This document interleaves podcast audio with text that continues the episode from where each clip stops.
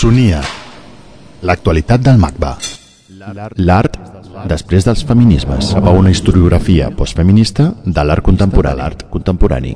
Curs monogràfic. Curs monogràfic. El MACBA, dirigit per Beatriz Preciado. Les tecnologies de gènere dintre del museu. Esa noción de, de tecnología de género en realidad es eh, relativamente temprana. Eh, surge de una lectura que lleva a cabo Teresa de Lauritis eh, en los años 80, finales de los años 80, de los textos de Foucault que, como sabéis, no utilizaba la noción de género, pero a pesar de todo, Teresa de Lauretes decide, de alguna manera, llevar a cabo una especie de hibridación, un sobrecruzamiento extraordinario entre la noción de, tecnología de Foucault y la noción de género. ¿Por qué es pertinente para, para el contexto del museo?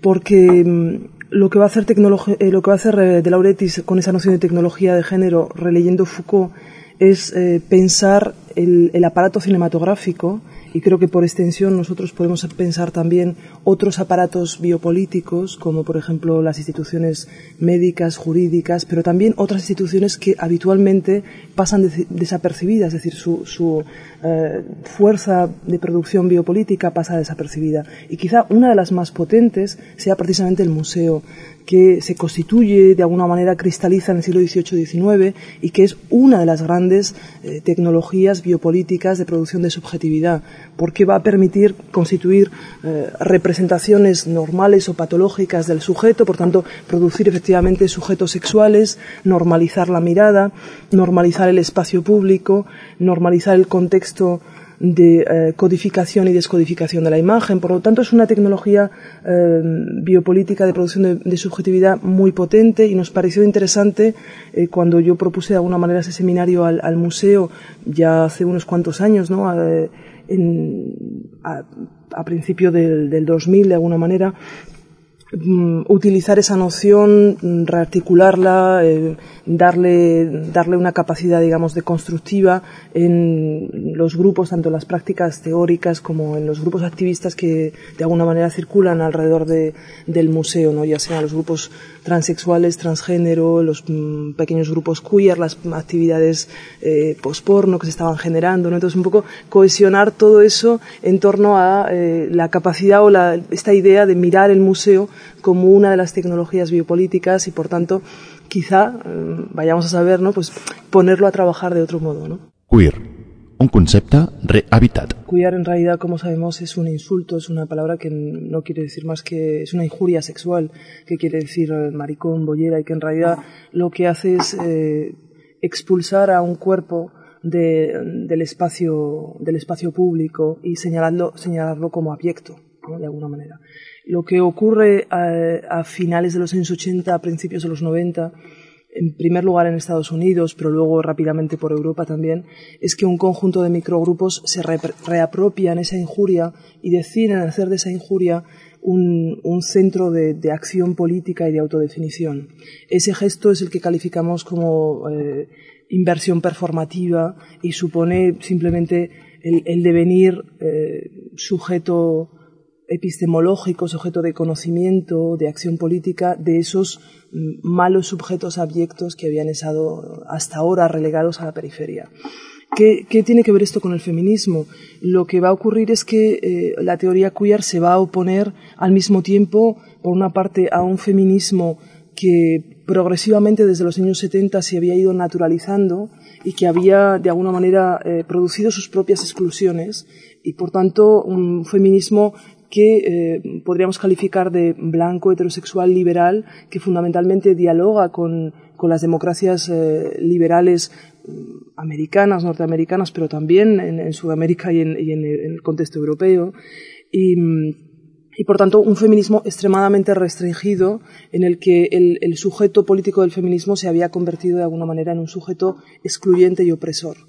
Entonces, eh, la teoría queer, cuando aparece en los primeros textos de Teresa de Lauretis y más tarde de Judith Butler, eh, eh, declinada después también por Id Kosowski Sidwick, o en los textos más, si queréis, de crítica del arte de Douglas Green, aparece precisamente para distanciarse de ese feminismo heterosexual blanco, hegemónico, que de alguna manera ocupa el diálogo de la esfera pública en Estados Unidos y en Europa pero por otra parte también aparece como un gesto de desplazamiento de las políticas de identidad gays y lesbianas que en ese momento, eh, de nuevo, eh, están produciendo eh, sujetos naturalizados. El gay, la lesbiana y sus, de alguna manera, sus reivindicaciones homosexuales de entrada y participación en la cultura normal heterosexual eh, a través de reivindicaciones de eh, igualdad de derechos. Discursivamente y políticamente lo que había producido también era una asimilación de la cultura homosexual en la cultura heterosexual y lo que van a hacer los teóricos queer y los, activistas queer es proponer una deconstrucción radical de ese, esa articulación o esa oposición heterosexual-homosexual. Després dels feminismes, cap a una historiografia postfeminista de l'art contemporani, del 7 al 15 d'abril 2008. Una de las primeras cosas que me interesaba hacer en este seminario era primero eh,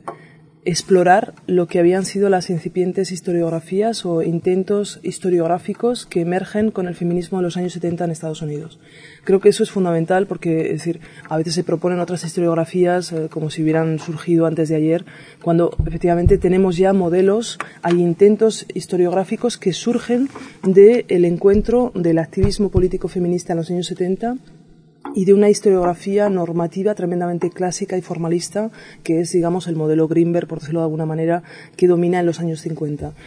De esa, de esa fricción surgen eh, intentos historiográficos a partir de los años 70 que han generado tanto proyectos de visibilidad pública, expositiva, como proyectos de crítica cultural. Lo que me interesaba hacer en ese seminario es, de alguna manera, colectivamente, con un foro, digamos, creo, de un público inteligente y muy, y muy formado, en muchos casos incluso más que yo creo, eh, lo que me interesaba es mm, revisar con ellos, releer con ellos esas propuestas historiográficas.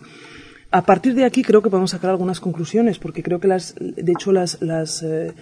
tempranas feministas de los años 70 que comenzaron ese trabajo historiográfico eh, mm, eran bastante lúcidas y desde luego no tenían proposiciones tan esencialistas como luego hemos pensado que tenían. Primero porque se trataba de un feminismo eh, múltiple, tremendamente complejo, que no podemos reducir únicamente en términos de, identidad sexual o en términos de raza, porque eh, se trataba de un conjunto de, microgrupos que surgen precisamente primero de la crítica o de un posicionamiento crítico frente a la guerra de Vietnam y por tanto claramente, es decir, la, posición no era esencialista, sino que era un posicionamiento claramente político y por otra parte todo lo que generó en Estados Unidos eh, el derecho por la lucha eh, más bien la, lucha por los derechos civiles de los negros y que de alguna manera aglutinó toda una serie de, grupos políticos. Y por tanto en ese en ese primer momento historiográfico encontramos a, personas como Linda Nochlin como eh, Griselda Polo evidentemente pero también como Lucy Lippard como Adrian Piper como Howardina Pindel, es decir, no, no vamos a encontrar una división racial o una división sexual, sino que lo que encontramos son em, ejes críticos que se están cruzando en torno a un planteamiento político de crítica del el formalismo historiográfico que domina los años 50 eh, en la Academia Americana y en las revistas como Arforum y otras. Entonces, me interesaba en ese seminario volver a ese momento, explorarlo y de alguna manera explorar las posibles historiografías que emergen de, ese, de esa contestación. Historiografía periférica. Llevar a cabo excavaciones arqueológicas en busca de pequeñas artistas, eh, mujeres a lo largo de la historia. Este, este sería uno de los, una de las formas de las historiografías posibles, sería esa eh, esa historiografía o esa historia periférica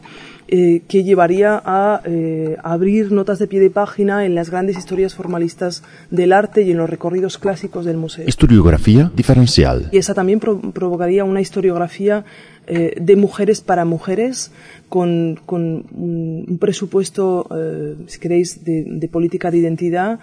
según el cual la experiencia y el cuerpo de las mujeres genera otra mirada, genera otra forma de representación y, por tanto, otra posible historiografía, esa no es, eh, no es mi posición y por eso precisamente me desmarco tanto de la periférica como de la diferencial, eh, mm, introduciendo esa noción de posfeminismo que desde mi punto de vista se abre por una parte con la crítica queer, con la crisis del SIDA, por otra parte con la crítica eh, postcolonial y con eh, las prácticas por pornográficas. Historiografía postfeminista. Se trataría no tanto de hacer historia periférica o diferencial, sino eh, precisamente de, construir los modos en los que el museo ha funcionado como una tecnología biopolítica de producción de, de las identidades sexuales, de género, raciales. Y por tanto, eh, este sería un, un, proyecto que, como decía Douglas Crane en los 90, partiría de un museo en ruinas. Es decir, de darnos cuenta que el, el, modelo de museo con el que estamos trabajando es un, museo, un modelo eh, biopolítico tremendamente normativo y que quizá debamos de poner en cuestión y creo que esa es la, apuesta eh, política seria que, eh, que, emerge tanto del feminismo como de los movimientos de descolonización o poscoloniales, como de las periferias, eh, si queréis, geopolíticas. Es decir, y ahí, ahí sí veo otro posible museo, otro modelo de museo, radicalmente distinto al, modelo heterocolonial, si queréis, o heterosexual colonial que se forja en el siglo XIX y hay, por tanto, sí toda otra posibilidad de, de, hacer eh, historia, de, de, narrar, de crear una narrativa de las representaciones de la sexualidad y de la, de la subjetividad en su conjunto. Me parece que ese proyecto desborda largamente, eh, digamos, todo intento eh, de, historia diferencial o de políticas de identidad. Uno de los elementos sería precisamente establecer una, una mirada horizontal entre representaciones artísticas y no artísticas y entre ellas, por ejemplo, las médico-jurídicas, que son fundamentales y que aparecen en el siglo XVIII-XIX. Eh, como sabéis, la fotografía es absolutamente constitutiva de la producción de la subjetividad moderna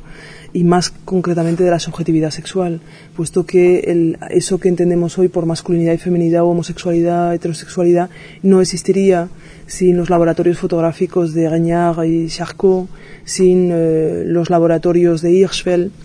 es decir, que mm, la subjetividad sexual contemporánea es constitutivamente eh, fotográfica y después diremos, si queréis, cinematográfica, eh, videográfica, etcétera, etcétera. Y por tanto creo que, estamos hoy en una posición, en algún sentido podríamos decir, privilegiada, que por primera vez nos permite quizá eh, llevar a cabo una deconstrucción horizontal de distintos registros de producción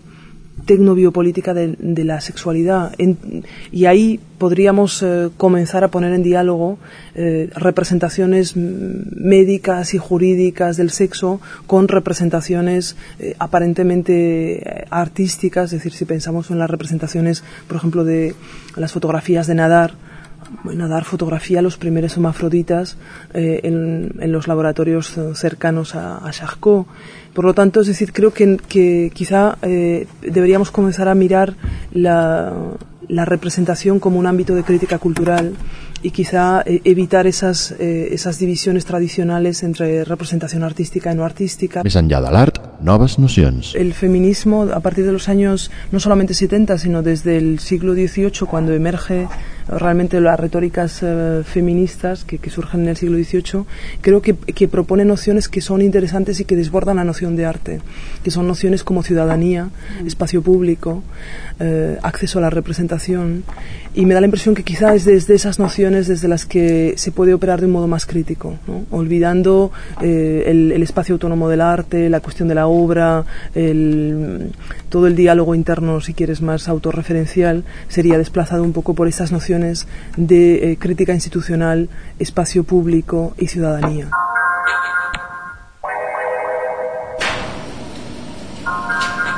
Sonia,